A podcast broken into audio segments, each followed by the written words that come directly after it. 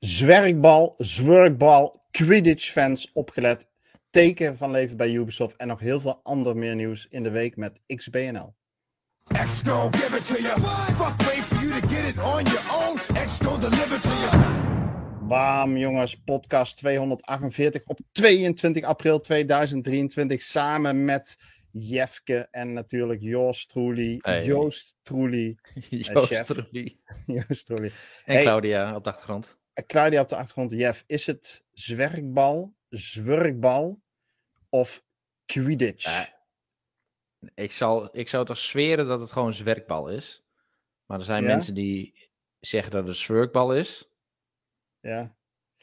Ja, ik, ik, was gespannen voor de intro, man. Ik, ik vergat zelfs het woordje en. en uh, het kwam, want ja, weet je, uh, zwerkbal, zwerkbal. Ik, ik wil niet, zeg maar, weer die boze mails krijgen zoals die af en toe voorbij komen, weet je wel. Dan is het maandagochtend, heb je net uh, je koffie gezet, doe je je mailbox open en dan het info, info at xboxnederland.nl. Ja, rectificatie geëist. Nee, en je wil ook geen, uh, geen zout in de wonden strooien, die nog net dicht zijn. Want we weten hoe de Harry Potter, Harry Potter community is. Ja, die zijn hardcore. Ja, die zijn hardcore. Die, die, ja. die zijn hardcore, inderdaad. Maar, uh, beste mensen, welkom bij een nieuwe aflevering van de Week met XBNL op deze mooie vrijdag 22 april. We hebben best wel een aantal nou, na een aantal toch wel uh, zure weken hebben we vandaag weer wat leuker nieuws, wat diverser nieuws. En dat gaan we allemaal met jullie doornemen. Wat mag je uh, van ons verwachten vandaag? Uh, er is een nieuwe Harry Potter game aangekondigd. Gaan we het met je over hebben. Er is teken van leven in kamp Ubisoft, waar het gaat over de Division. We got you covered. Gaan we met jullie bespreken.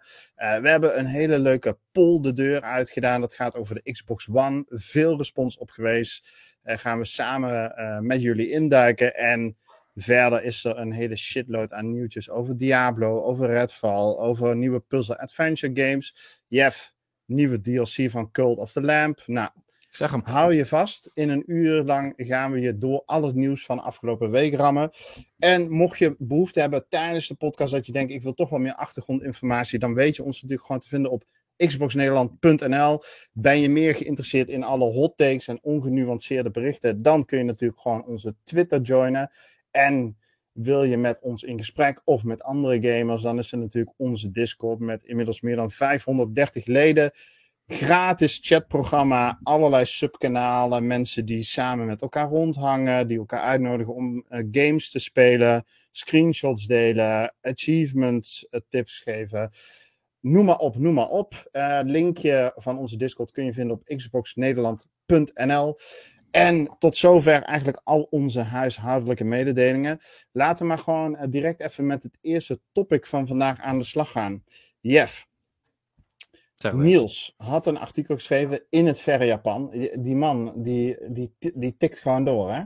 Nou, die gaat gewoon dom door, ja. Die gaat gewoon door. Dan zie ik berichtjes voorbij komen dat die, onze, onze redacteur Niels, die, uh, nou, de vaste luisteraars die weten het, die is uh, een digital nomad en nu zit hij voor een aantal maanden in Japan.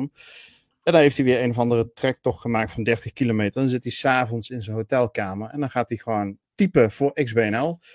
Uh, zo ook afgelopen week weer een aantal artikelen, waaronder eentje met de kop nou, ik heb even de kop niet bij de hand.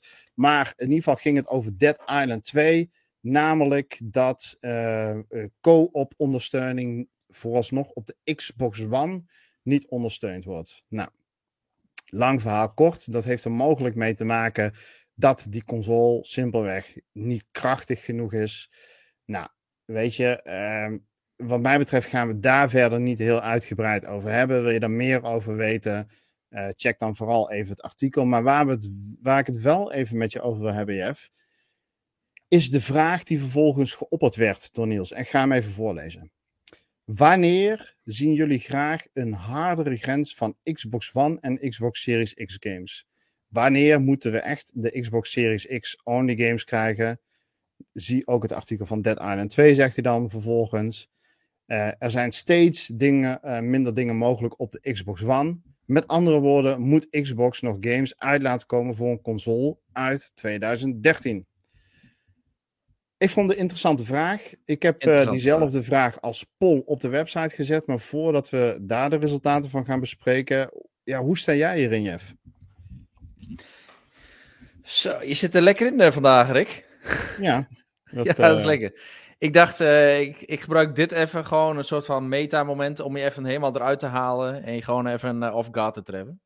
Ja. Dus, uh, ik, ga, ik ga even kijken of, of, of het mij lukt met deze podcast om jou een beetje uit je element te krijgen. maar, door even van die vervelende vragen te stellen. Go for it. Go for it.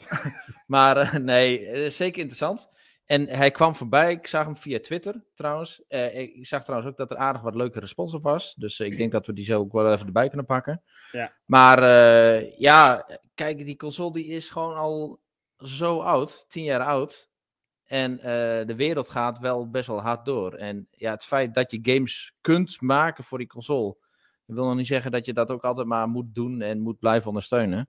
Ja. Um, dus um, ja, ik, ik dacht in eerste instantie dacht ik van uh, ja, tuurlijk moet dat kunnen. Weet je, iedereen moet gewoon voor, voor jouw console ook nog dingen kunnen maken.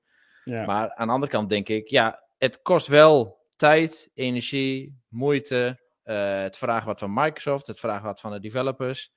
Uh, en ik ben altijd wel pro-innovatie. Dus laten we daar gewoon mee kappen. We hebben nu al lang genoeg die, die volgende generatie opgeflikkerd met jouw console. En uh, ga maar gewoon lekker voor de nieuwe generatie ontwikkelen. Voor de budget mensen is, is er gewoon een heel goed alternatief in die vorm van die Series S tegenwoordig. Dus uh, ja, ja, of, of het streamen uh, naar je Xbox One. Ik bedoel, de uh, xCloud draait op Series X uh, consoles. Dus ja. eigenlijk zijn alle mogelijkheden zijn er. Maar denk jij dat doordat ontwikkelaars nu toch nog een beetje op twee gedachten hinken, op hè, voor twee generatie consoles ontwikkelen, dat dat ook innovaties in de weg staat? Ik denk het wel, ja. Ja, dus, waar, waar, waar, waar, denk je dan bijvoorbeeld aan? Uh, details in grote open werelden? Uh, wat, uh... Nou, eigenlijk, het, het is heel simpel. het is een soort van... je, je hebt een budget van x geld, van x FTE, x man, zeg maar, die werkt aan een game. En er is altijd een deel die moet zich bezighouden met die Xbox One versie. Om het daarop goed te krijgen, om het te optimaliseren. om het ook goed te publiceren op die Xbox One. Dat is toch weer een andere pipeline.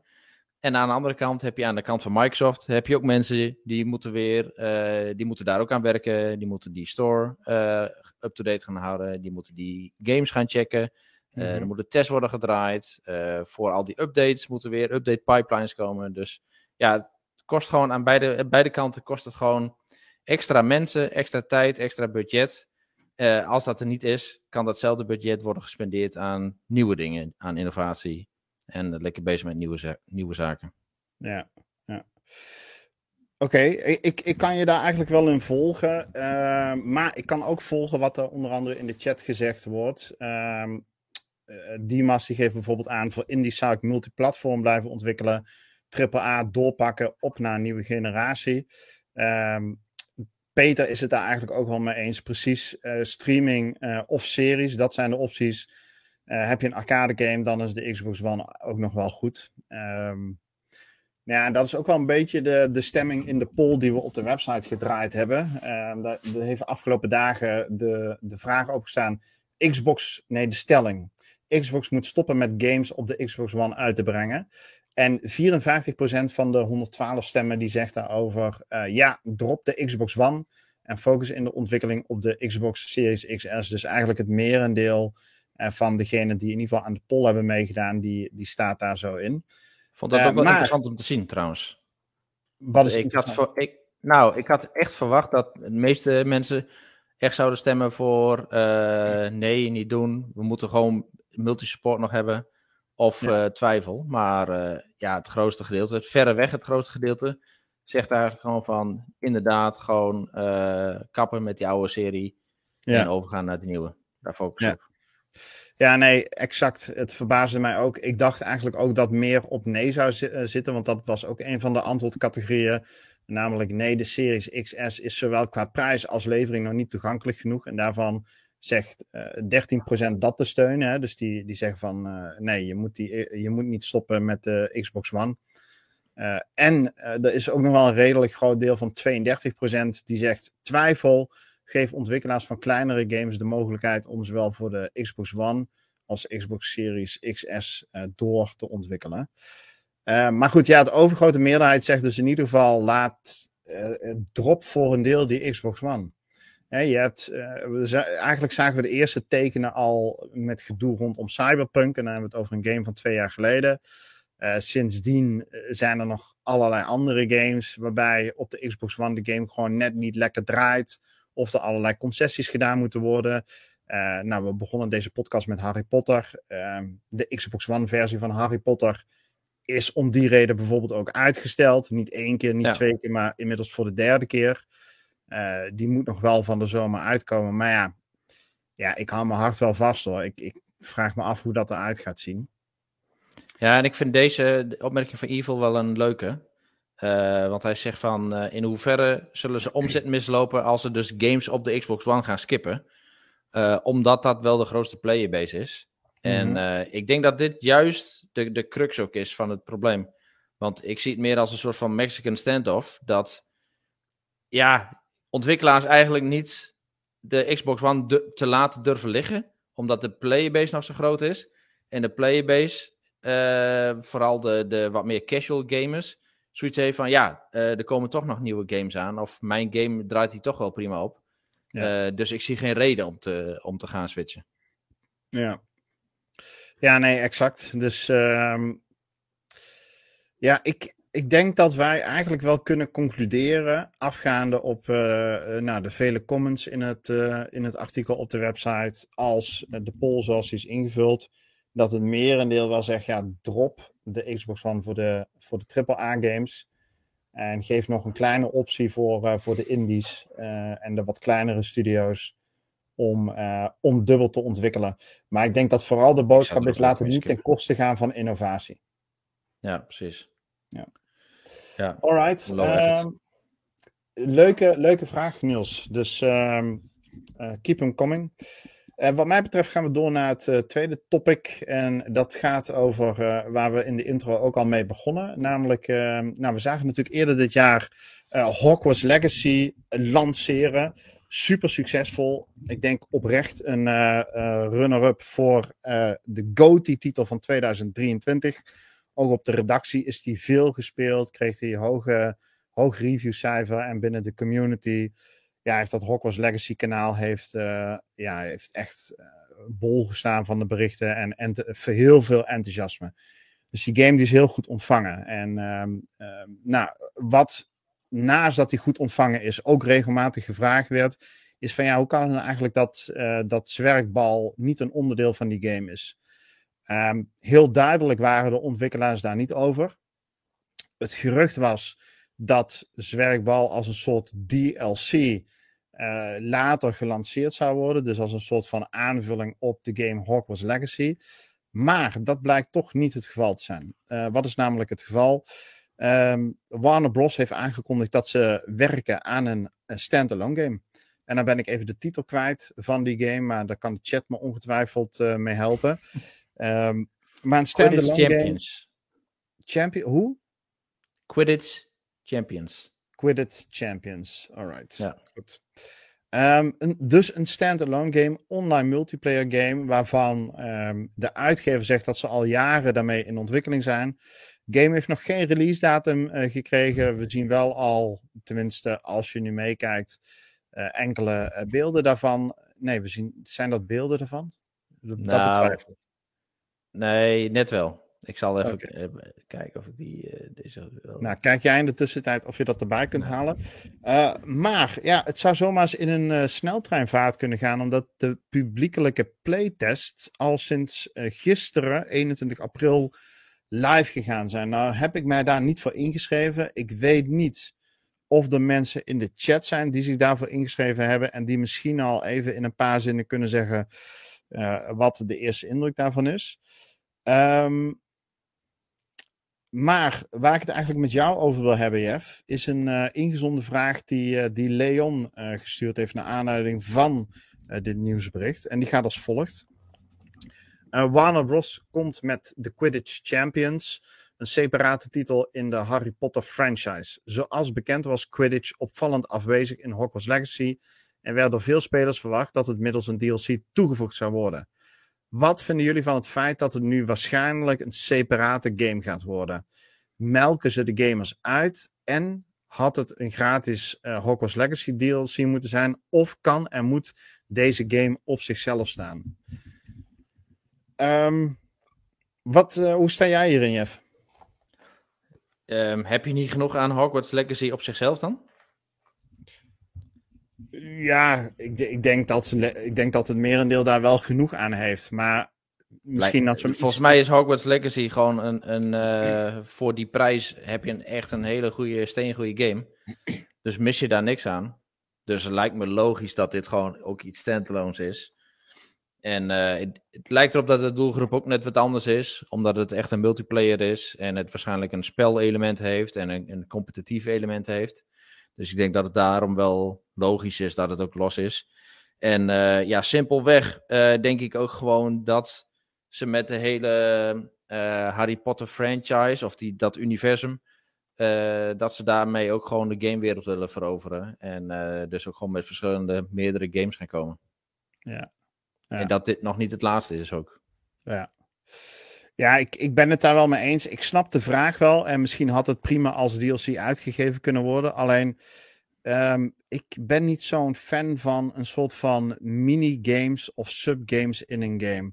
Uh, ik denk als je dit echt een succesvolle online multiplayer wil laten zijn, dan uh, verdient dat uh, volledige toewijding van een team wat alleen maar daaraan werkt in een wereld die specifiek gebouwd is om die online multiplayer ervaring zo goed mogelijk te laten zijn. En ik denk dat je inboet in kwaliteit op het moment dat je dat invoegt in een, uh, ja, in een bestaande wereld die eigenlijk draait om verhaalvertelling en exploratie. En uh, die niet primair als doel heeft online multiplayer uh, ja, sportsgame. Want dat, daar zou ik hem voor nu onder plaatsen. Dus um, ik voel me daarin zelf dan ook niet uitgemolken. Um, ik denk dat dit een goede keuze is en dat het hopelijk ten goede komt van de kwaliteit. En daarnaast is er nog ook maar even de vraag: misschien wordt dit wel een free-to-play game met een uh, season pass. En uh, nou ja, uh, wat voor, hè, wat voor een economische systemen ze daar dan ook omheen bedenken. Ja, Eigenlijk we weten we daar nog vrij weinig van. Ja, ja inderdaad. En volgens mij ook nog niet wanneer die dan precies uitkomt. Maar wel dat er nu playtest draaien dit weekend. Ja, ja, exact. Ja, dus um, het roept bij mij wel op dat ze ver genoeg zijn, dat ze er vertrouwen in hebben. Uh, ik, anders denk ik niet dat ze in. Ze zitten in zo'n goede stream en vibe met Hogwarts Legacy. Um, ik denk als ze ja. nu een halfbakken online multiplayer game um, in een publieke beta-test uit gaan rollen, die, die van slechte kwaliteit is, dat dat hun niet goed zal doen. Dus ik denk dat uh, de release van deze game uh, dichtbij is. Um, maar goed, ja, we gaan het in de gaten houden. En mocht jij, uh, want ik zie in de chat niet iemand ertussen staan die deze game nu, ehm, nu gespeeld heeft. Mocht jij deze game wel gespeeld hebben en je luistert en je vindt het leuk om daar wat over te delen, laat het ons even weten. Kom, stuur ons even een berichtje via de website of join even onze Discord. Want daar willen we het volgende week dan wel graag over hebben. Hoe, hoe de eerste indrukken zijn van, ja, van deze nieuwe game. Jeff, laten we Rick. doorgaan naar hoe, een derde topic. Hoe is het, ik jongen, zit, Rick? Ik zit er nog lekker in. Ehm, ik zie je nog niet heel hard werken om uit mijn. uit nee, mijn ik denk, ik, ik, ik zei net van, ik moet, ik moet eigenlijk wel iets meer mijn best gaan doen. Ja. ja. Maar hoe is het, Rick? Gewoon in het algemeen, hoe is het mee, jongen? Gaat wel goed. Gaat wel goed. Ja, ik was heel even afgeleid, want Dimas die had het over Harry Potter twerkbalkampioenen. Daar moest ik wel, uh, da, dat, toen dacht ik wel even, maar goed dat ik op dat moment niet aan het woord was. Maar verder, uh, verder gaat het hier prima. Dus ja. ik, ben, ik ben begonnen met Dead Island 2. Ik zei gisteren in ah. de Discord van, het is voor het eerst sinds lange tijd dat ik weer op dag 1 een game aangeschaft heb. Fysiek, voor de Xbox. Ja. Meestal is het zo dat ik gewoon uh, games die ik uh, leuk vind, ja, die, die, die review ik. Of die zitten in de Game Pass. En nu was dat niet het geval. En ik had de review van Domingo gelezen, gaan we het straks nog wat over hebben. En ik had de review gehoord van, uh, hoe heet ze, de Kind of Funny, de, de Kind of Funny crew. Ja. Ik denk, ik ga, ik ga er gewoon voor. Dus, ehm, en, en wat kost hij nu dan, fully priced? Hij is nog wel 70 euro dan. Nou, fysiek is hij dus goedkoper, want digitaal is hij inderdaad 70 euro. Fysiek is hij 60 euro. En omdat ik hem bij bol.com met select korting kon krijgen, kon ik hem voor 54. Dus dat speelde ook wel mee. Dat ik dacht van, nou ja, weet je, ik was gewoon, ik had, was gewoon toe aan een, een game, een hersenloze game. Gewoon even lekker co-op. Ja, het zit ik al een paar weken volgens mij ook in de podcast te zeggen. Ik heb zin in co-op games. Minecraft Legends leuk om met jou te spelen, maar het was niet, het heeft me niet overdonderd, uh, de game. Ehm, en Redfall moet nog komen en dan moeten we nog maar zien of dat lekker speelt. Maar Dead Island 2 lijkt een goede keus. Oké, en deze speel je al lekker co-op ook? Ik heb gisteravond 2,5 uur met uh, Matthew en uh, Domingo gespeeld. Ah, lekker hè? Ja. Het is, ja, het volgens mij, het, het, leent zich ook echt voor co-op. Want ja. ik zag de cijfers voorbij komen. Ik denk van ja, dat is wel typisch Dead Island. Gewoon uh, goede, leuke game, maar niet overmatig goed, zeg maar, laat ik zo zeggen. Nee, maar dat is natuurlijk prima. Om, weet je, co-op werkt altijd prima in, de, in die games. En uh, het is gewoon veel fun met knettergekke wapens en uh, zombies natuurlijk om met z'n allen uit te halen. Dus volgens, mij, volgens mij is het ja, wel leuk. Nee, maar dat, dat is ook exact de conclusie van Domingos een review. Hij gaf hem een 7 uit 10. Het is gewoon een leuke, leuke game. Co-op is die echt prima. Je kan je wapens op allerlei bizarre manieren upgraden. En op gruwelijke manier vervolgens gaan toepassen op, uh, op die zombies.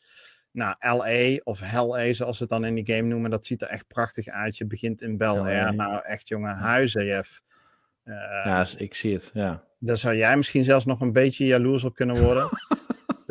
dus, dus, maar ja, weet je, uh, ja, en verder is het gewoon, heeft de game weinig inhoud. Maar ja, en, en wat drank. Ja, dat hoort erbij.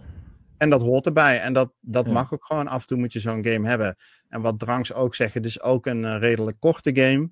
Dat klopt. Uh, je kan hem in uh, nou, 10 tot 20 uur uitgespeeld hebben. Perfect, man. Ik, uh, hey, maar heb jij. Dying Light 2 ook gespeeld? Ja, zeker. Ja. Hoe verhoudt dit zich nu tot Dying Light dan? Ja, ik vind Dying Light 2 kwalitatief vond ik wel echt een betere game. Uh, ja. Kijk, in essentie doet hij een aantal dingen, doet hij meer uh, hetzelfde dan, dat, dan dat er verschillen zijn. En waar hij vooral heel erg um, hetzelfde in is, is je hebt allerlei wapens uh, het is melee georiënteerd. En al die ja. wapens die kun je op hele vette manieren upgraden. Um, waar Dying Light 2 zeg maar in de kern in verschilt, is dat het een veel verticalere game is vanwege het parcours. Ja. Um, je gaat veel sneller door de wereld heen. Er is in die wereld zelf veel meer te ontdekken. En ik vind persoonlijk dat Dying Light 2 voor een zombie slasher ook gewoon een goed verhaal vertelt. Um, ja, dus precies. Ja. En, maar Light... is, is ook wat serieuzer, denk ik. Ja, en Dying Light dat, 2 dat spreekt mij juist in. Ja. In Dead Island spreekt mij dat juist aan dat het zichzelf gewoon totaal niet serieus neemt. Ja. En uh, ja, ik weet niet in hoeverre dat ook in de game nog weer aan bod komt. Hè? Want ik bedoel, zombie slashen, dat kun je natuurlijk tot het oneindige doen. Maar het zou ook leuk zijn als het in de verhaalvertelling en qua animaties en qua overdrevenheid, dat het daar ook nog weer een beetje in terugkomt. Ja, het is wel wat over de top. Tenminste, kijk, ik heb nu pas 2,5 uur gespeeld, maar ik denk dat ik een redelijke indruk heb. Uh, en het is over de top.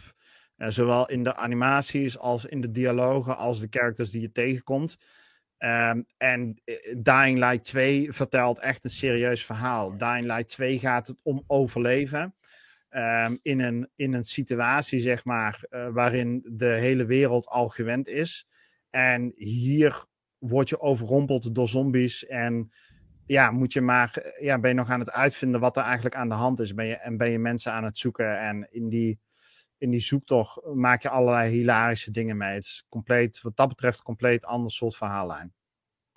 Ja, waar ik juist door overrompeld werd, was een video van Digital Foundry over Dying Light. Oh ja. Uh, waarin ze van allerlei uh, tools, hè, je weet hoe ze werken, gewoon op, ja. op analytisch niveau alles helemaal loslaten op die game. Maar dat het gewoon op alle platforms gewoon super stabiel werkt. Het ziet er fantastisch uit ook, gewoon voor, voor het type budget. Ja. En het werkt gewoon. En dat had ja. ik totaal niet verwacht bij deze game. Ik had echt gewoon frame drops verwacht, halfgare bugs, glitches. Die game is zo lang in ontwikkeling geweest. Is zoveel mis, misgegaan tijdens het ontwikkelen. Meerdere studio's. Echt heel wij, ja, meerdere studio's. Dat, en die engine is gewoon niet helemaal lekker. Uh, dat ik echt had verwacht van, uh, nou ja, dat, dat wordt gewoon natuurlijk een technisch drama. Maar ja. het, is, het tegenovergestelde is waar. Dus het, het uh, draait als een zonnetje. 60 fps op next-gen consoles. Ziet ja. er gewoon echt super goed uit. Het is, geen, het is geen volgende Call of Duty of zo, maar het is wel gewoon echt een next-gen game. Ja, vind ik ook hoor. En daar was ik ook ontzettend verbaasd over. Want deze game heeft natuurlijk gewoon in uh, Domingo zei het al in development hell gezeten. En ik had persoonlijk wel verwacht dat je veel meer wat van die oude uh, invloeden terug zou zien. Ja, precies. Um, en dat zie je ook wel terug in de zin hoe de open wereld is opgebouwd. Dat is niet heel complex. Het is geen Red, Red Dead Redemption 2 met allerlei ingewikkelde vertakkingen. Er zitten ook niet Hè, uh, je ziet ook niet terug dat bepaalde dialogen doorwerken in relaties die je opbouwt. Het is gewoon heel toe recht aan. Maar grafisch gezien ziet deze game er prachtig uit. Er zijn echt momenten dat je uh, zo door zo'n serre loopt. Uh, richting het zwembad. En dat je die reflecties aan alle kanten um, ziet. En dan, dan denk ik echt van ja, hier, hier is tijd en aandacht aan geschonken. En het draait dan ook nog eens soepel. Dus de, de game ziet er ja. gewoon goed uit. Boven verwachting voor een game die tien jaar in, in ontwikkeling geweest is. Ja, nou, dat is toch goed nieuws. Ook gewoon voor, ja, als een soort van kerst op de taart dan voor het hele ontwikkeldrama, fiasco. Dat, uh, ja. dat ze toch nog uiteindelijk gewoon een, een hele goede game hebben afgeleverd. Ja, nou, absoluut. En ik ben benieuwd wat het nu doet met de verkoopcijfers. Want uh, ja, het wordt toch een beetje, zeg maar, tussen andere releases ingesqueezed. Uh, je ziet dat, dat er andere releases ook wel veel, veel thunder weghalen. Met Diablo 4 al afgelopen week en zo. Die ja. volledig aan het pushen is. En dan nieuwe tests en straks ook gaat releasen. Ja. Dat, ja, ik hoop dat deze het ook gewoon goed doet. Want ja, het leukste zou zijn dat we over tien jaar wel een Dead Island 3 kunnen krijgen. Ja, of een, of een jaar of vijf eerder. Ja, nee, ik, ik, ik hoop ook, uh, ik gun het het team wel. Uh, ik vind ook de kwaliteit daarnaar. Ik denk wel dat er toch mensen zullen, dat er veel mensen zullen zijn die wachten op de eerste sale. En uh, dat kan ik me ook niet omwille van de kwaliteit, maar wel omwille van de omvang wel voorstellen. Want ik denk dat je na een uur of 25, 30 er wel op uitgekeken bent. En dan is 70 euro is wel een, ja. een fors bedrag. Ja, vind ik ook. Ja. Dus, nou ja, er zullen mensen zijn die zeggen van, nou, weet je, zodra die onder de 35 schiet, dan is die van mij. En dan uh, trommel ik mijn vrienden op. Dus dat is zo'n game die in etappes weer uh, voorbij komt, waarin groepen, groepen vrienden lekker gaan spelen. En uh, dat begrijp ik ook. Ja. ja. Maar Um, mocht je benieuwd zijn naar nog wat meer verdieping over wat je mag verwachten van de Hell A, Dead Island 2, check dan xboxnederland.nl. Daar kun je de review van Domingo teruglezen. Die heeft best wel een hilarische en goede en leuke review geschreven. Uh, dus check dat vooral ook even. Um, ja, oh, nou ja, ik wou zeggen over development hell gesproken, maar dat valt nog wel mee. Maar als je het hebt over een uitgever met studio's die ook in een behoorlijk dal gezeten hebben en nog steeds zitten, dan denk ik aan Ubisoft. En, um, en ik denk velen met mij. Uh, maar er is eindelijk goed nieuws in het kamp van Ubisoft. Er is teken van leven. Afgelopen week hoorden we ineens dat uh, Ubisoft met een The Division showcase op de proppen zou komen. En wel uh, afgelopen donderdag, om precies te zijn. Wat hebben ze in, tijdens die showcase gedaan? Ze hebben een drietal games uit de Division franchise hebben ze getoond, namelijk de Division 2 en dan specifiek uh, de roadmap van Year 5, het vijfde jaar. Uh, kom daar zo meteen nog op terug. Ze hebben ons iets meer laten zien en iets meer verteld over Heartland, de uh, free-to-play PvEVP game. Hoppa, zeg dat maar eens na ja. die whiskies. ja. En ze hebben ons meer verteld om, uh, over een of andere wacky mobile game in de Division. Uh, uh, nou ja, goed, ik zou niet eens weten hoe die heet. niet interessant voor ons als Xbox-platform. Um, maar, ja, Jeff, ik, wat, wat, heb je ervan meegekregen? Heb je iets van het Ubisoft-nieuws meegekregen? Nou, ik zag, ik zag die roadmap van de Division. En uh, ik hoorde jou aankondigen hier. Ik denk van, wat is, daar, ja, wat is er zo bijzonder aan? Ik bedoel, het, het klinkt mij een beetje als nieuwe jaar is er weer. Uh, komen weer nieuwe content updates. Wat ik vooral wel leuk vond om te zien is, uh, nou, er worden toch wel flinke dingen nog ontwikkeld. En de support voor die game is gewoon goed. Dus dat doen ze wel goed. Maar ja, echt baanbrekende dingen. Ik zag er niet echt voorbij komen. Maar dan moet ik ook eerlijk zijn. Ik heb ook niet die hele, hele stream gekeken.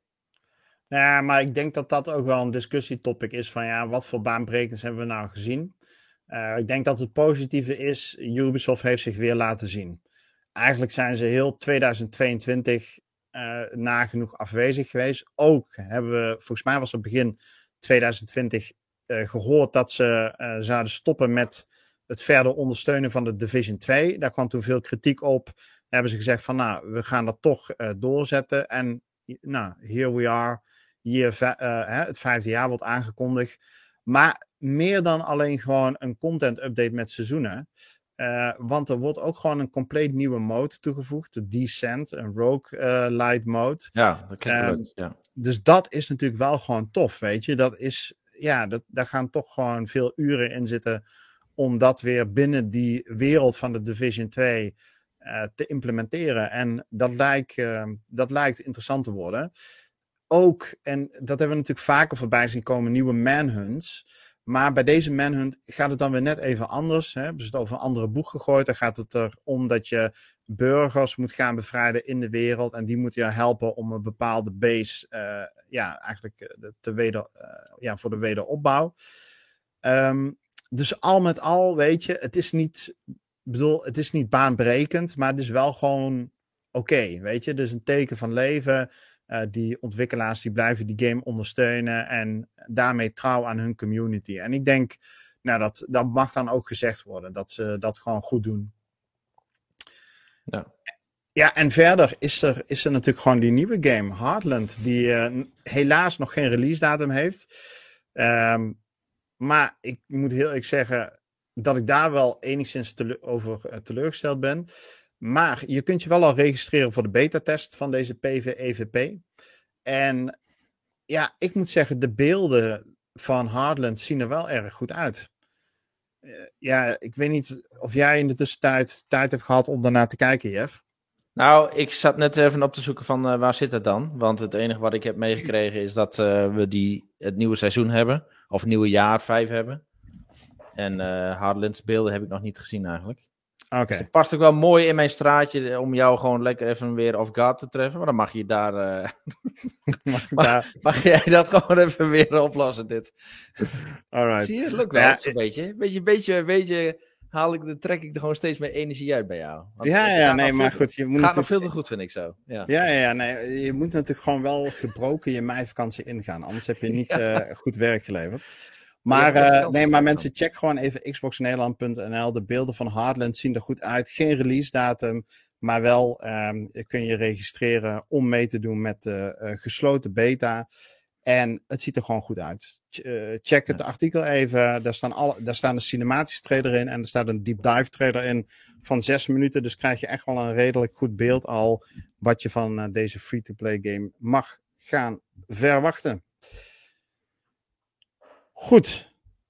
Jefke, hebben, we hebben geen tune voor nieuwtjes in een paar minuten, of wel? Nee, daar moeten we nog een keer een tune voor hebben. Ja. Dat is misschien wel een leuke voor Niels. Ik bedoel, die zit aan de andere kant van de wereld. Kan niet zo even joinen. Maar hij is wel heel goed in mooie tunes maken. Dus misschien nou, laten we dan... gewoon een of andere Japanse voice actor uh, of actress, misschien nog beter. Wij krijgen die onze de, de tune. Ja. ja. Nou, laten we dan als alternatief uh, de, met de volgende tune de nieuws in een paar minuutjes inladen.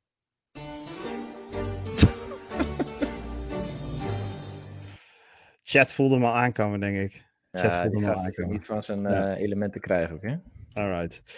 Uh, goed mensen, uh, aantal nieuwtjes gaan we in wat sneller tempo doorheen. Ik heb wel een paar vragen voor jou, Jeff, dus je moet wel even bij de les blijven. Uh, oh, dat is... dat is... mooi. Dan kan ik jou weer lekker even... Dan kun je mij wel even, dat, even uit balans ja, brengen. Ja, precies. Ja. Veel Diablo nieuws deze week, mensen. die, ik weet niet wat het team doet, maar ik had dus op hun YouTube kanaal gekeken. Tientallen trailers, deep dives, developer diaries, et cetera, et cetera. Deze week ook weer een, een, nieuwe trailer van de Druid Class, als ik me niet vergis. de game is gold gegaan, dus die gaat 6 juni uitkomen. Daar gaat helemaal niks meer tussen komen. En als uh, kerst lang, taart is er nog een extra uh, beta weekend aangekondigd onder de echt werkelijk waar briljante naam Slam Server Beta.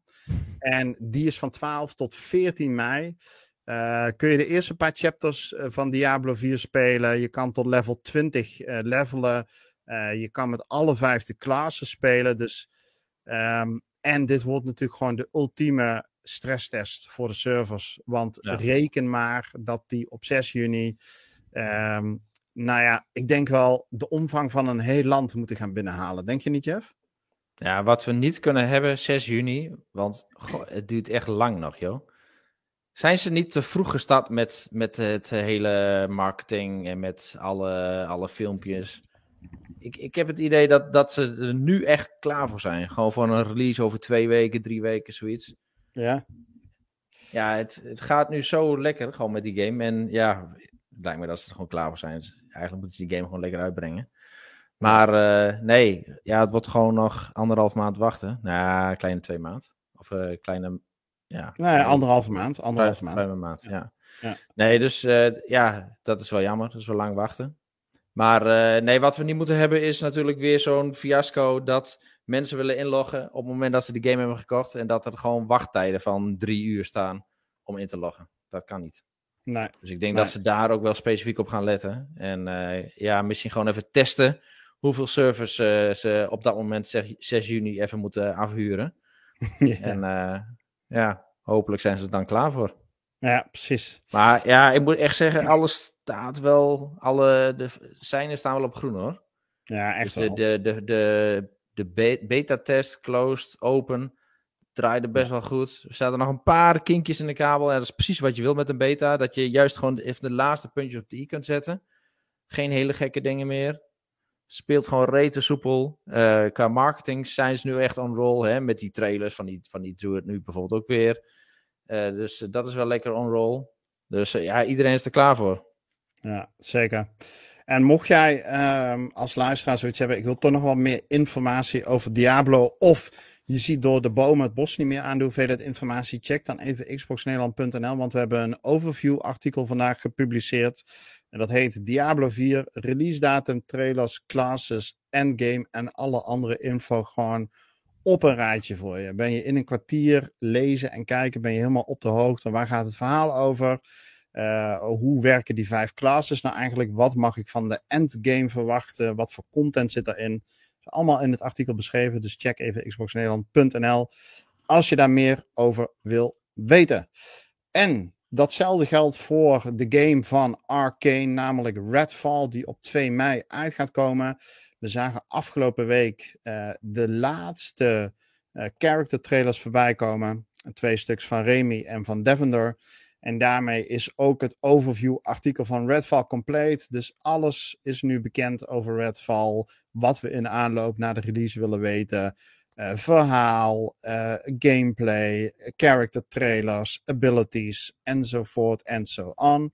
Dus check ook voor het uh, overview artikel van Redfall xboxnederland.nl. En ga maar vast aftellen in 30 frames per seconde. En dan, voor je het weet, is het, is het zomaar 2 mei.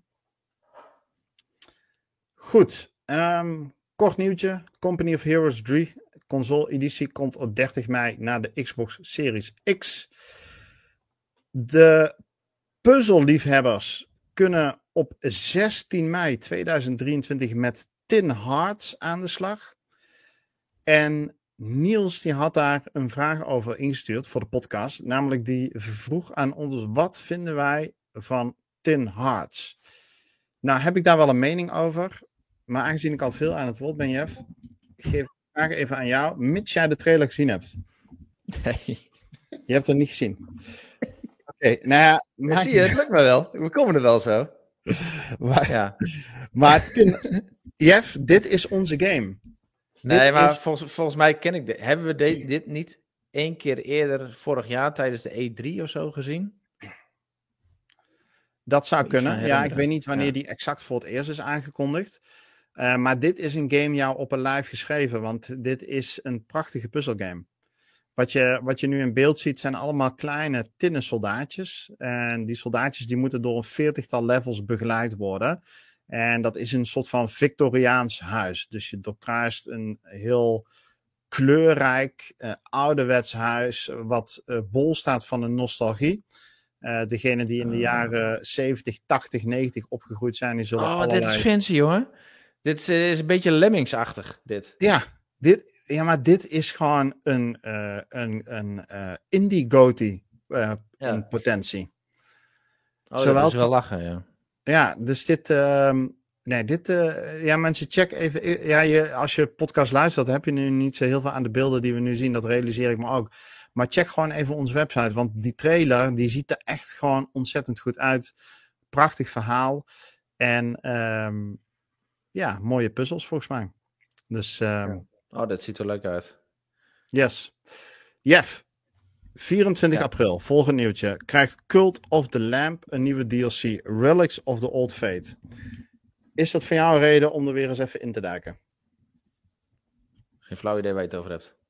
Cult of the Lamp. Jawel man, die game ken je toch? Ja, ja, ja je probeert mij weer eventjes zo uh, te porren hè? Je hebt die game vorig jaar kapot gespeeld. Nee, Cult of the Lamp was wel uh, een van mijn favorieten van vorig jaar. En um, ja, die komt inderdaad met een nieuwe DLC. Gratis DLC ook wel, dus dat is ook wel leuk. En um, ja, die game zelf is natuurlijk best wel kort. Dus ja, dat hoort ook gewoon bij het type indie. Um, maar ik heb me daar heel erg mee vermaakt. En er komt nu gewoon nieuwe content bij. Dus ook als je de hele game af hebt, komt weer een nieuwe storyline voor uh, na de endgame erbij. Uh, dus je kunt hem gewoon weer oppakken en weer doorspelen. Met uh, ja, nieuwe characters, nieuwe abilities. We moeten gaan zien wat het precies is. Maar uh, het is in ieder geval weer reden om die game opnieuw op te pakken. En hij is, hij is dus gratis, dus dat is leuk. Ja, ja het is mooi man. Nee, dus daar kun je gewoon weer een paar uur mee vooruit. En dat is toch wel tof dat zo'n relatief kleine studio dit op deze manier blijft ondersteunen. Ja. Een andere game die jou ook op een lijf geschreven is, is Park Beyond. Dat is namelijk bouw je eigen droom uh, pretpark. En daar hebben we afgelopen week nieuwe gameplay beelden van gezien. En met name het micromanagement wat deze game te bieden heeft. Um, en ja, Niels die stelt daar. Niels die is hoofd, hofleverancier qua vragen deze week. Uh, die, die vraagt. Wat is die gast aan het doen, joh, daar? Helemaal niks. Ja, ja, een beetje de hele dag ons website in de gaten houden. Dat is toch niet de bedoeling van in Japan zitten? Ik nou ja, wij hebben dus nu tegenwoordig gewoon uh, views uit Zuidoost-Azië. ja, de meeste views ook, hè? Ja. Nee, ja. dat is grappig, hè? Je kan op de wereldkaart kun je zien van uh, waar op de wereld... En dan ben ik altijd aan zie ik eh, landen staan en denk van ja, zijn dat mensen op een VPN? Ja. Of, of zitten daar gewoon toevallig Nederlanders? Maar goed, nu dus ook Japan. Dus uh, nou ja, XBNL goes international. Anywho, uh, Niels die vraagt zich af, uh, kijken jullie uit naar Park Beyond? Lijkt me echt een game voor Jeff. Jeff. Ja, ja het is gewoon weer een, een volgende in de, de hele Tycoon-reeks natuurlijk. Uh, dus het is altijd maar kijken wie komt er nu met een goede sim aan daarvoor. Maar ik moet zeggen, het parkverhaal en zo, dat is een beetje, ja, dat is waar eenmaal. Mm -hmm. Dus ik denk niet dat ik deze zelf ga oppakken. Maar ja, het ziet er wel heel erg leuk uit. Dus ja. ik denk dat het vooral voor de volgende generatie is. Ik denk dat het vooral voor de kids leuk is om dit te doen. Want je kunt je eigen, uh, zien we ook, je eigen rollercoaster ontwerpen. En uh, mooie gekke dingen doen. Dus uh, ja, dat, dat is natuurlijk super leuk voor de volgende generatie. Ja. Ja. ja, precies. Ja, dit zijn de teamed-achtige games voor ja. onze kids. Dus ehm, ja. Ja, die, dit, dit wordt voor hun, zeg maar, de intro naar uh, de, de, de soort van strategy games of de, de building games. Ja. En dan de volgende stap is dat ze SimCity of uh, hoe dat, die City Skylines gaan doen. Ze hebben de echte serieuze, goede city builders. Ja, precies. Ja, nee, uh, absoluut. Dus, nou goed, um, Park Beyond, toffe game. Check de website voor de gameplay trailer. Tot slot, uh, voordat we overgaan naar de reviews. Um, er is een soort van uh, surprise drop aan nieuwe aanbiedingen geweest. In de Xbox Store. En om eerlijk te zijn, is het gewoon weer meer van hetzelfde. En dat is prima. Um, we gaan dat nu alleen niet weer helemaal doorlopen. Want dan gaan we weer de dingen adviseren die we afgelopen weken ook gedaan hebben. Zoals Far Cry 6 en Red Dead Redemption 2. Ori enzovoort enzovoort. Dus, uh, nou, we hebben maar... gewoon een heel mooi artikel neergezet met, heb jij gedaan, Rick? Kudos. Met de grootste kortingen van de hele serie. Dus check dat ook ja. vooral op onze website. Want ja. er gaat echt tot 80, volgens mij 85% korting. Ja, 85% korting. Uh, dus dat zijn best wel heftige kortingen. Dus uh, check vooral het artikel even een keer. Ja. Of je toch niet wat hebt gemist. Ja, exact. Alright, en dan gaan we over naar de reviews van afgelopen week. Bent u het ook zo zat dat reviews zo kort van stof zijn en geen inhoud hebben? Wil je iets beters lezen? Ga dan naar xboxnederland.nl Hoe uh, doe ik het tot nu toe? Jeff, jij doet het Lukt goed. het een beetje? Ja, en uh, je mag hem direct overnemen. Uh, kijk, Dead Island 2, die review hebben we al besproken van Domingo. Ah. Ik heb zelf Ghostwire Tokyo gereviewd. Wat wil je erover weten van mij? Want dan kan ik jou daar wat over vertellen. En dan uh, gaan we daarna lekker door naar de vragen uit de community. Oké. Okay. Um, is het echt nou een, een, een niche game? Of kan de gemiddelde casual gamer dit ook gaan oppakken? Ja. Nee, sterker nog. Ik had uh, een heel erg Ubisoft vibe bij deze game. Um, het, is een, eigenlijk een soort van ja, grote open wereld waarin uh, er een soort mist over de stad hangt. En die, die mist die heeft eigenlijk alle gedaantes uit mensen getrokken. Dus dat zijn allemaal uh, geesten geworden en jij moet dat gaan oplossen. Dat is een beetje het overkoepelende verhaal. En om dat te doen volg je eigenlijk een soort van typische Ubisoft gameplay. Namelijk je gaat naar gebied A. In gebied A moet je een soort van poort vrij spelen. En daardoor verdwijnt de mist uit dat gebied. En daarmee uh, heb je de mogelijkheid om hoofdmissies en zijmissies in die area te doen. Ja, en daar begint je afvinklijstje. Uh, check, check, check. Hop naar de volgende poort. En daar doe je hetzelfde riedeltje. En dan heb je niet één zo'n gebied, niet twee van dat soort gebieden, maar ja, rond de twintig of zo. Ik heb ze niet geteld, maar het zijn er behoorlijk wat. En dat is iedere keer een beetje op dezelfde manier. En uh, waar die voor mijn gevoel verschilt met. Um, nou ja, nee, trouwens, het verschilt niet per se. Maar het is best wel een, een goed verhaal wat er doorheen gaat. De gameplay is simpel. Je hebt van die magische spels. Die ja. je op, uh, op van die geesten afschiet. Uh, en het begint met de windspel. En daarna krijg je water en firespel. En dan krijg je wat verschillende varianten daarop. Maar heel spannend wordt dat niet. Het, het, blijft in principe dezelfde aanvallen die je doet. En ja, na een uur of tien heb je die game, 15 misschien, heb je, die, heb je hem gewoon uitgespeeld. Oké, okay. en de fight mechanics, dat is wel leuk om te blijven doen? Nou, ik vind hem niet echt uitblinken in. Um, ja, kijk, wat, wat de, de combat zeg maar is, is dat je ziet in beeld. Het is een first-person game. En je ziet in beeld telkens twee handen die als een soort van dove tolk spels afschieten. He, als, ja, precies. Poef, poef, poef. Zo gaat dat inderdaad. Uh, voor de luisteraar nog één keer voor de effecten. Poef, poef, poef. poef. Zo ja, precies. Ja. En um, that's it. De, je, je, hebt daarin niet een soort van. Uh, tenminste, ik heb het niet ontdekt, soort van status-effecten. Als ze er al zijn, dan heb je ze in ieder geval niet nodig om de game uit te spelen. Uh, je hebt ook niet allerlei verschillende soorten combinaties die je kunt maken, waardoor je een gevecht in je voordeel uh, uh, weet te zetten. Eigenlijk is iedere uh, combat is redelijk recht toe recht aan. Namelijk je ziet daar een groepje ghosts en je gaat daar recht op af over het algemeen. En je werkt ze één voor één werk je ze af. Oké. Okay. En de gameplay is dan wel diep genoeg dat het interessant blijft voor die 15 uur waar je het over hebt? Nou, nee. Nee. Hm. Nee, dat niet. Het is gewoon simpel. Ik heb hem een 7,8 gegeven. Maar uh, dit is dus wel voor mensen die ondertussen lekker een podcast willen luisteren. Of op een andere manier uh, zeg maar, te, tegelijkertijd even een filmpje of een documentaire willen kijken. Die kunnen dit gewoon doen. Mm, nee, zou ik niet doen. Omdat oh. je.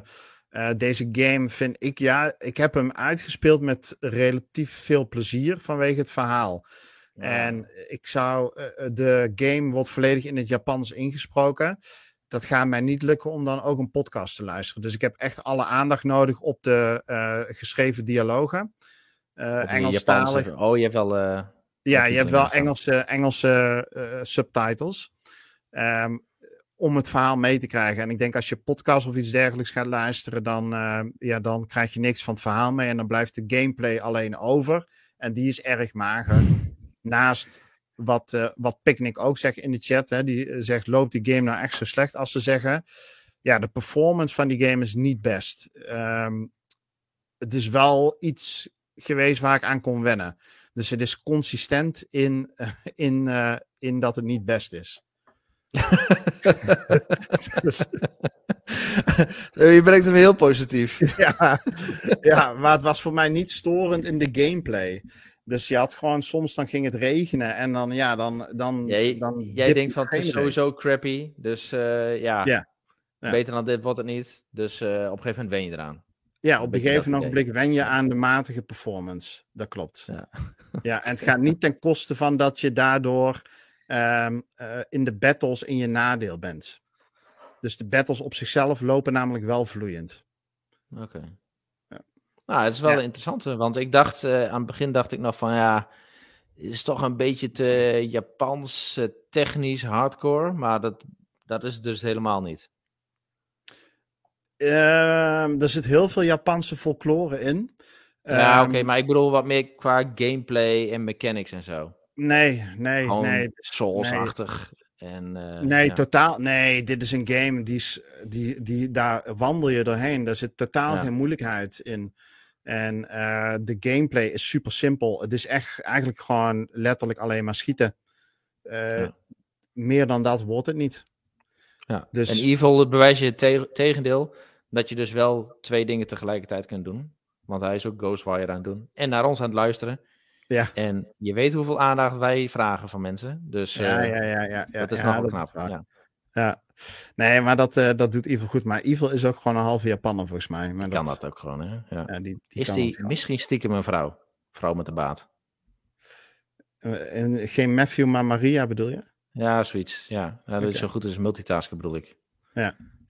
Het zou kunnen. We, we, moeten het hem even een keer in de ogen aankijken tijdens de community ja, ja, toch. Ja. Goed. Um, laten we naar de vragen uit de community gaan.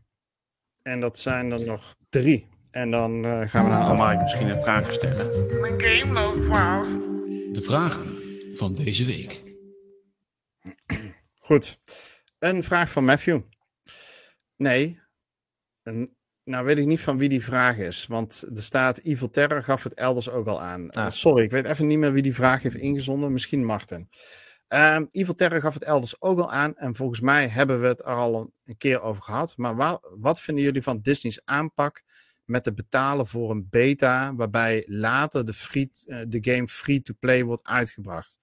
Je betaalt dus voor een game die niet af is en waar de ontwikkelaars jou gebruiken om hun game te perfectioneren, die ze later uitbrengen voor noppes. Het erge is, het werkt gewoon. Ja, dat ik heb, is het erg ook. Ik heb nu Disney Dreamlight Valley voor de Switch gekocht en wil eigenlijk ook Disney Speedstorm spelen.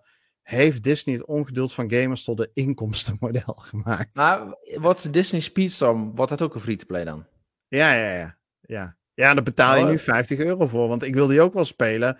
Maar ik denk, ja, uh, ik wacht wel een half jaar. Ja. of een jaar, weet ik veel. Ja, maar het is, het is gewoon een verkapte early access scheme, dit.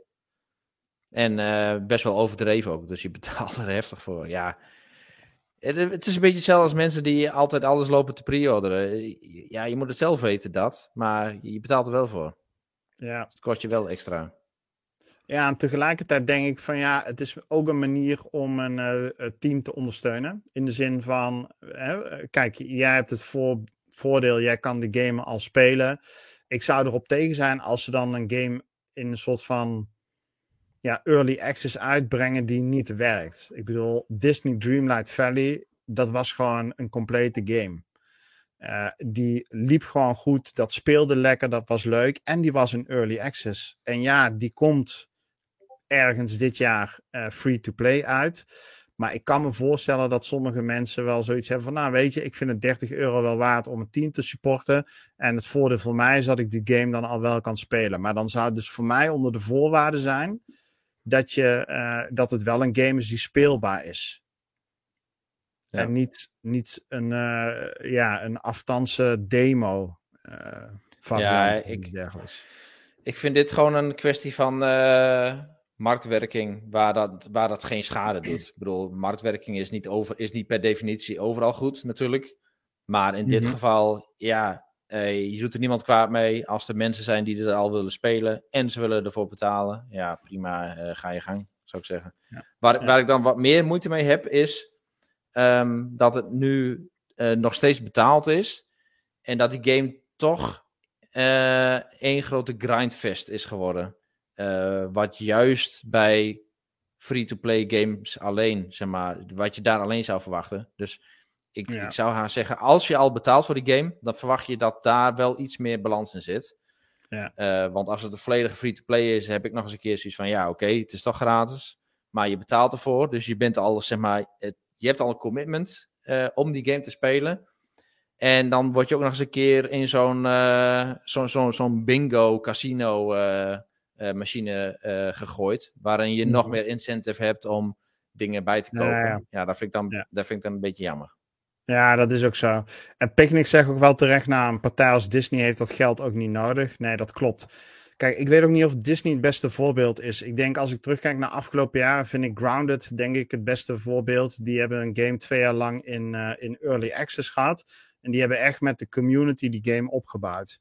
Uh, die game was niet gratis. Hè? Ik bedoel, je moest daarvoor wel een Game Pass subscriptie hebben. Of als je dat niet had, moest je hem al kopen.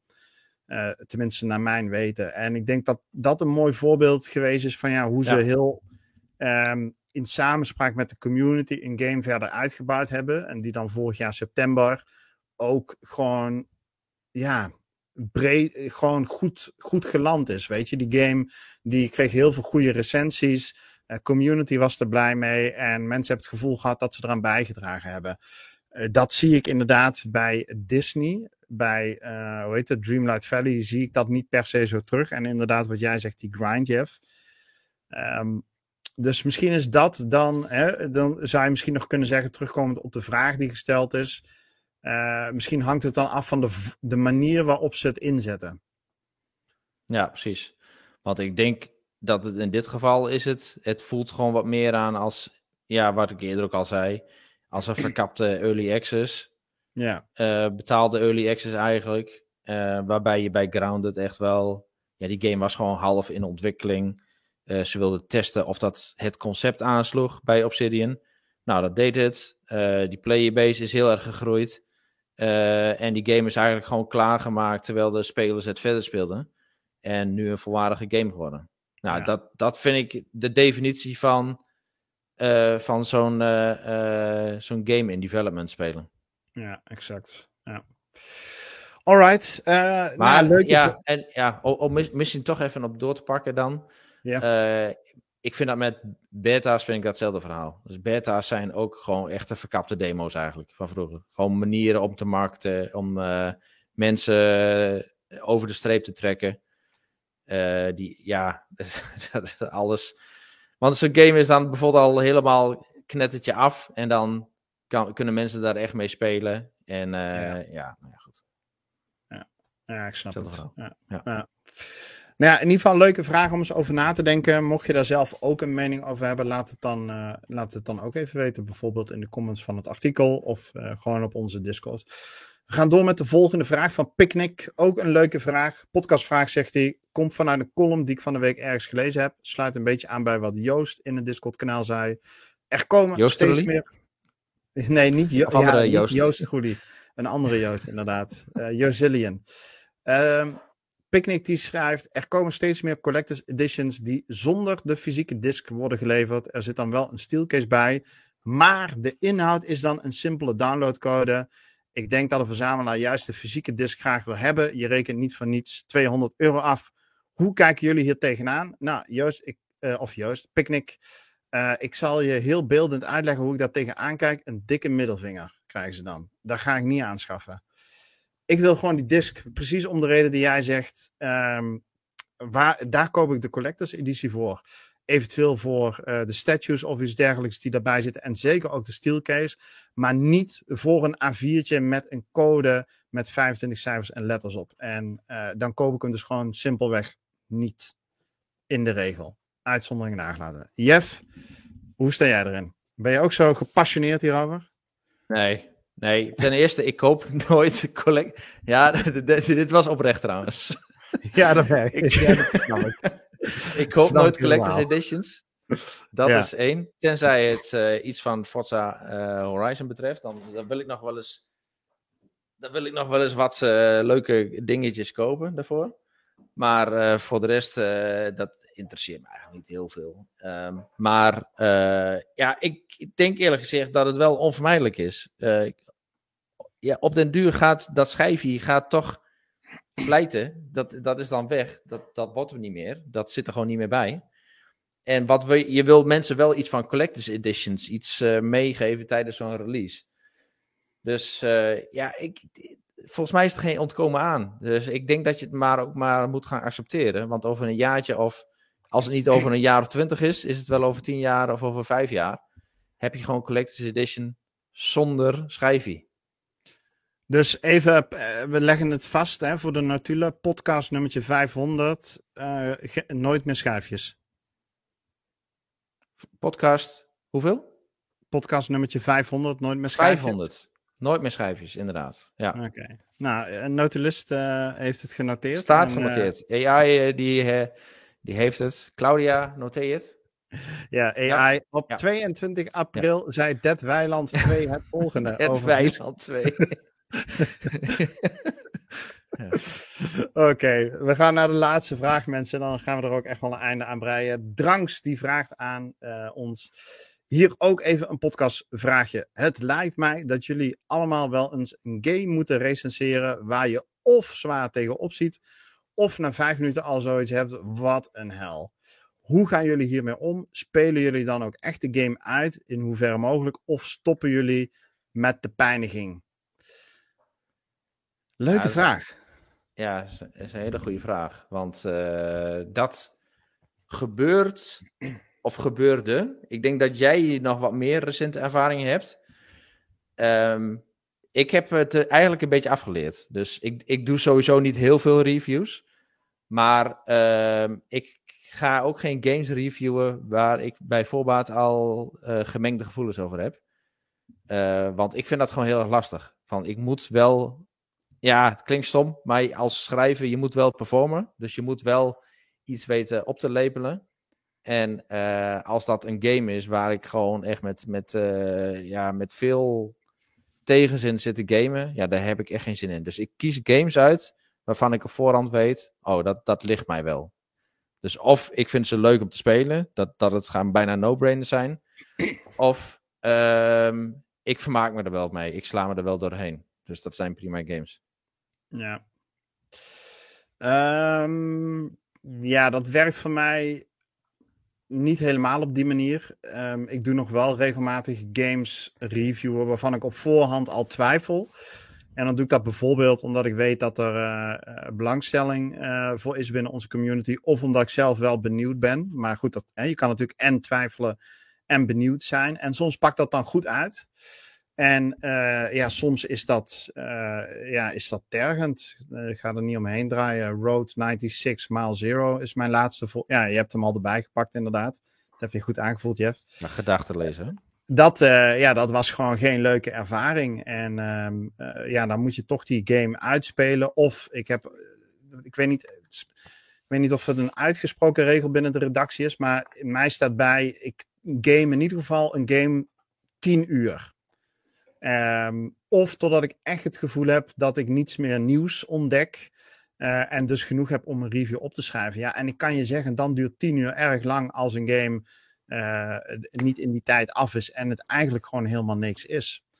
Eh, dus heel soms stop ik dan ook wel eens eerder. En dan is het wel een beetje worstelen om je door die recensie heen te schrijven. Dus dat is de ene kant. En de andere kant heb ik soms wel eens games die ook gewoon eh, wat te moeilijk zijn. dus dan is het meer van, ah ja, shit, ik ben nou aan die game begonnen. Ehm, en ik kom niet langs die eerste baas. ja, letterlijk ook die eerste baas dan, hè? Welke, welke had je laatst? hoe, heet die game nou ook alweer? Wolong. Ja, Wolong had ik, dat, had, ik, eh, had ik dat ook bij. Dat ik dacht van, ah ja, shit, weet je. Dan begin, dan, ik weet aan wat voor type game ik begin. En dan, maar dan, dan weet ik ook gewoon van, ja, dan moet ik echt niks anders spelen. Want anders gaat mij dit ook niet lukken. En bovendien zijn die games dan soms ook gewoon hè, zo goed dat je daar ook niet uit wil stappen uit die wereld. Maar dan denk ik nog wel eens van, ah, waarom heb ik, uh, had ik dit nou wel als review moeten doen? Want het is denk ik wel heel treffend wat jij zegt van ja, uiteindelijk moet je ook performen, weet je wel. Je moet ook gewoon een, uh, een review opstellen. Uh, je moet ook schrijven en dan moet je wel genoeg, ver genoeg in de game kunnen komen. En bij ja, 95% van de games is dat geen probleem. Maar ik heb afgelopen jaar bijvoorbeeld dus Wolong gereviewd. Uh, en Tunisia. Ehm, en ja, dat waren gewoon pittige games. Dus allemaal goed gekomen. Maar dan zit ik hem wel even te zweten uh, in de eerste paar uur. Dat ik denk, ah oh ja, waar ben ik aan begonnen? En ben jij ook niet juist door reviews te doen wat meer in dat hele Souls-achtige gekomen? Ja, dat is uh, zeker. Dat is begonnen met Eldering. Um, dat uh, Rob ja. was daar de lead reviewer van. Maar op een gegeven ogenblik hebben we besloten van nou, laten we die game met z'n tweeën reviewen. En um, ik, ik was sowieso al geïnteresseerd in Eldering. Um, en daar ben ik eigenlijk wel een beetje soort van verliefd geworden op dat genre. En uh, ja, vervolgens heb ik ook gewoon veel van die games gespeeld. Um, uh, Sekiro, uh, Temisia, Steel Rising en dan recent Wolong. En ook allemaal uitgespeeld. En waar, waar kan gecomplete. Um, dus dat is wel iets van de laatste twee jaar dat dat wat meer gegroeid is. Maar ik heb nog steeds wel, Wolong is natuurlijk heel recent, van een paar weken geleden, dat ik, ik weet waar ik me voor inteken. En ik knijp hem dan toch wel als ik merk zo'n eerste bos dat ik hem na tien keer nog niet heb. Dat ik denk van ja, shit, ik moet straks wel een review opleveren. Ja, precies. Ja, ja ik, ik denk van, ik ga eens even kijken of ik gauw een lijstje tevoorschijn kan toveren van al zeg maar, jouw en mijn slechte reviews. Mhm. Maar uh, dat lukt nog niet zo heel erg makkelijk. Maar wat ik wel voorbij zag komen is bijvoorbeeld uh, waar, waar Renko met heel veel plezier en heel veel enthousiasme en zin aan is begonnen, is uh, de Fast and the Furious game. Weet je dat nog? Oh, die, kwam, die kwam vorig jaar of twee jaar geleden kwam die uit, geloof ik. Ja. En dat was mij een partijtje in tegenvaller. Dat ja. speelde in Barcelona af en dat ging echt op alle fronten helemaal mis. Dat hij die game met veel frustratie vervolgens moest uitspelen. Ja. Ja, maar ja, dat was gewoon ook echt een, uh, een, een slechte, ja, gewoon een slechte game. Ja, ik, ik, denk de games die, die ik gewoon na, na minder dan vijf uur aan de kant heb gezet en dan een review over geschreven heb, die zijn op één hand te tellen, maar ze zijn er wel. En dan was dit, uh, ja, dan, dat, dit zou zo'n game geweest kunnen zijn. Weet je, dan weet je gewoon na twee uur spelen, ja, dit wordt gewoon niet beter. Maar goed, dan moet hij wel echt slecht zijn. Maar wat is, wat is dan jouw, eh, ja, een van jouw slechtste games die je ooit gereviewd hebt? Ja, dan zou ik echt even een lijstje moeten hebben. Maar ik, ik weet nog wel, um, ik heb ooit um, Mudrunner heb ik gereviewd. Dus ik dacht van, eh, toen zat ik net een beetje in, in zeg maar, de race games, wat technische games en zo. En uh, ik denk van, nou, weet je, dan ga ik die review. Mudrunner werd lekker gepusht ook vanuit PR. Dus uh, ik denk, prima, ga ik die doen. En ik weet niet of je nog een, een beetje een idee hebt over die game. Maar je had ook, uh, later had je ook hetzelfde verhaal in de sneeuw. Dan moest je dus met hele zware voertuigen, moest je van plek A naar plek B, dan moest je wat ophalen, boomstammen ophalen.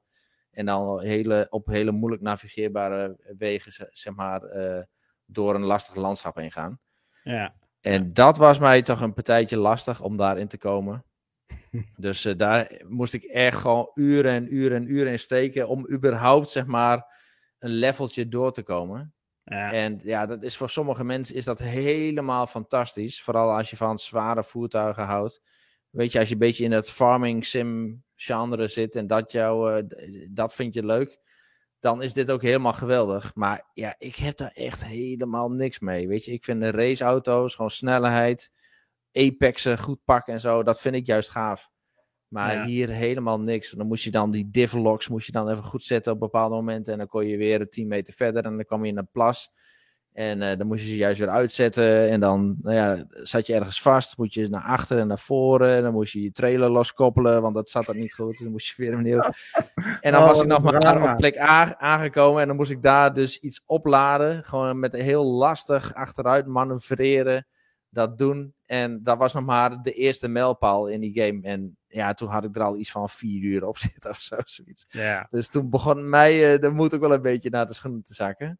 Ja. Maar eh, ja, uiteindelijk heb ik me wel eh, er doorheen gezet. En eh, dat was wel peak performance dat. Van als, de, ja, als, ik, als ik geen review hoefde te schrijven, dan was ik na Had je twee hem uur al was ik al klaar geweest. ja. Ja. Niels had toch laatst, vlak voor zijn vertrek, had hij zo'n parel.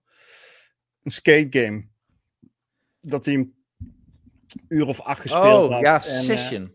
ah, was dat session. En dat hij uiteindelijk maar gezegd heeft: Ja, jongens, ik, eh, ik, Ja. ik weet niet. Ja, wat was nou de conclusie? Het was in ieder geval niet Ja, te doen. Nee, was niet te doen. Te, te, te hardcore eigenlijk. Hij, Ja, dat was hij- zijn blok- conclusie was eigenlijk van ja, als, als, ik, als het zo lastig is, dan kan ik mijn tijd beter spenderen aan het gewoon leren van skaten, dan dat ik het virtueel ga leren, zeg maar. ja, precies. Ja, dat snap ik. Ja. Ja, ja exact. Ja. Ja, een Picnic die noemt Pirate Steel. Volgens mij had hij die ook voor XPNL gereviewd. was ook een worsteling, dat weet ik nog wel van hem. ja. ja, je zou denken met als er de woord pirate in zit, dan moet het wel goed komen. Maar dat ja, bleek moet het? niet, Ja. eh, Nee, dat niet zo te zijn. Ja, ik gaf hem eigenlijk een 1, maar ik had het cijfer wel aangepast naar een 6 uiteindelijk. Want ja, pirate. anders. ja, vijf punten erbij, klaar. Ja, Ja, precies. snap het. Goed, laatste rubriek. Wat wij zelf gespeeld hebben afgelopen week.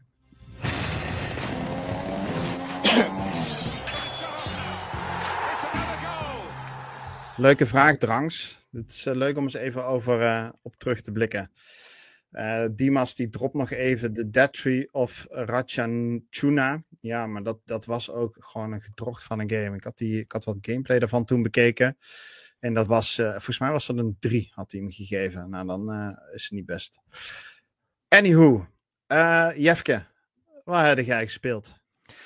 Ehm, nou, ik heb een beetje Vampire Survivors gedaan. En ik moet dat nog wel afronden. Want ik, zit, ik ben wel over een bepaald punt heen. Dat ik echt nu wel meters kan maken weer. Dus dat is wel leuk. Ehm, maar ik ben eigenlijk voornamelijk bezig geweest met Far Cry 6. Dus ik zit daar gewoon lekker in. En eh, ja, het is wel echt, echt typisch Ubisoft. Gewoon nu ik er echt middenin zit. Het zit, er is gewoon zo idioot veel te doen. En zoveel verschillende elementjes. Dat ze, ja, ze schieten gewoon echt hun doel voorbij. Want Ja. er zit wel een verhaaltje in en zo. Maar ik denk ook van, ja, laat maar joh. Ik ga dat niet allemaal volgen van voor naar achter. Ja.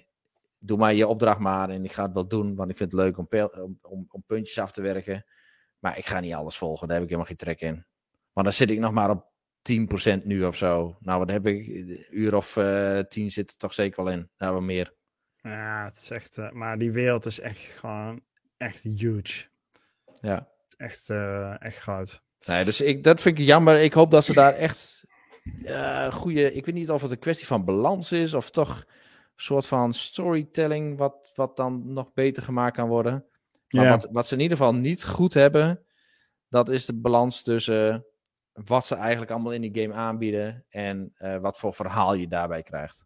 Het, is, Ja. gewoon- het is gewoon te, te veel. Ja, Je zou, Ja. je zou niet gauw zeggen van het is te, maar dit is gewoon echt te veel. Ja. En dat, dat doet ze pijn. nee, dat ben ik echt helemaal met je eens.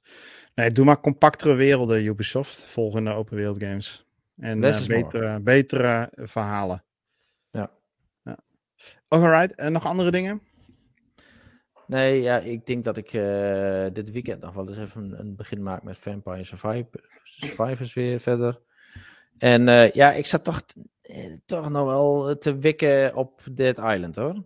Lijkt me toch wel leuk, vooral in co-op mode. Kun je vier player co-op doen? Is toch vier, Ja, zeker. ik, of niet? Ja, We hebben één spot over, Jeff. ja is wel, wel verleidend. Als je hem nu Maar, aanzet, dan eh, kunnen we over een half uur kun je meehoppen.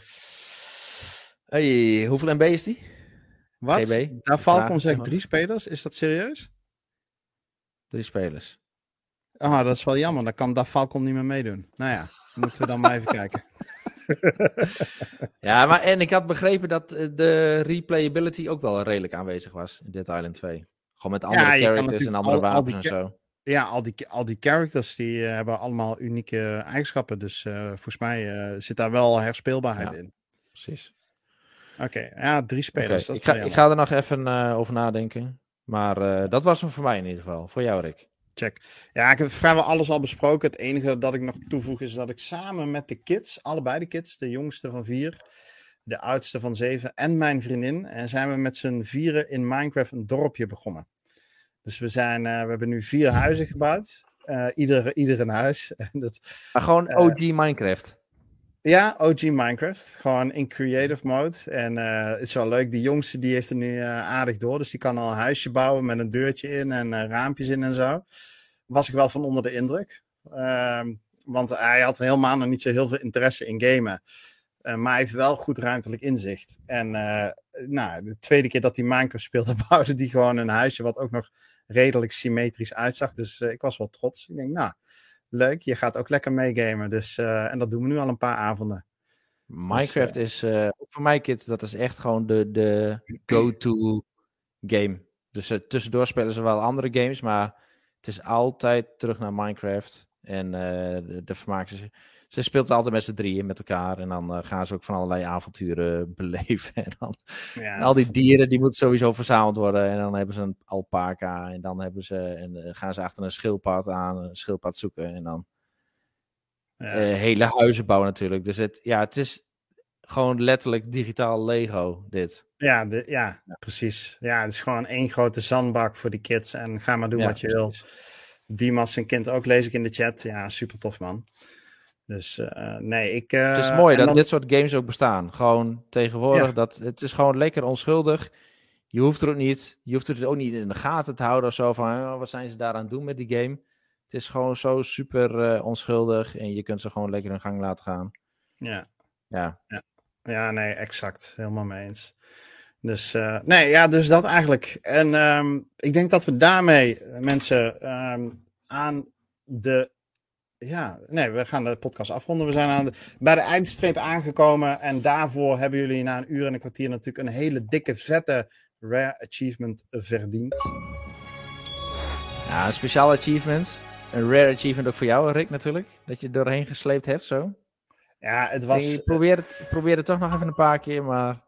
Nee, ik, ik vond... gewoon uh, niet dit... uit je flow te halen. Nee, we zaten er allebei lekker in. Dus, uh, en mocht je nou geen genoeg kunnen krijgen van, uh, van Jeff en van mij, dan weet je ons natuurlijk tussen nu en 29 april de volgende podcast te vinden op xboxnederland.nl of onze Discord of onze social media. Maar voor nu mensen ronden we de podcast 248 van 22 april af en zien we jullie volgende week weer. Aju.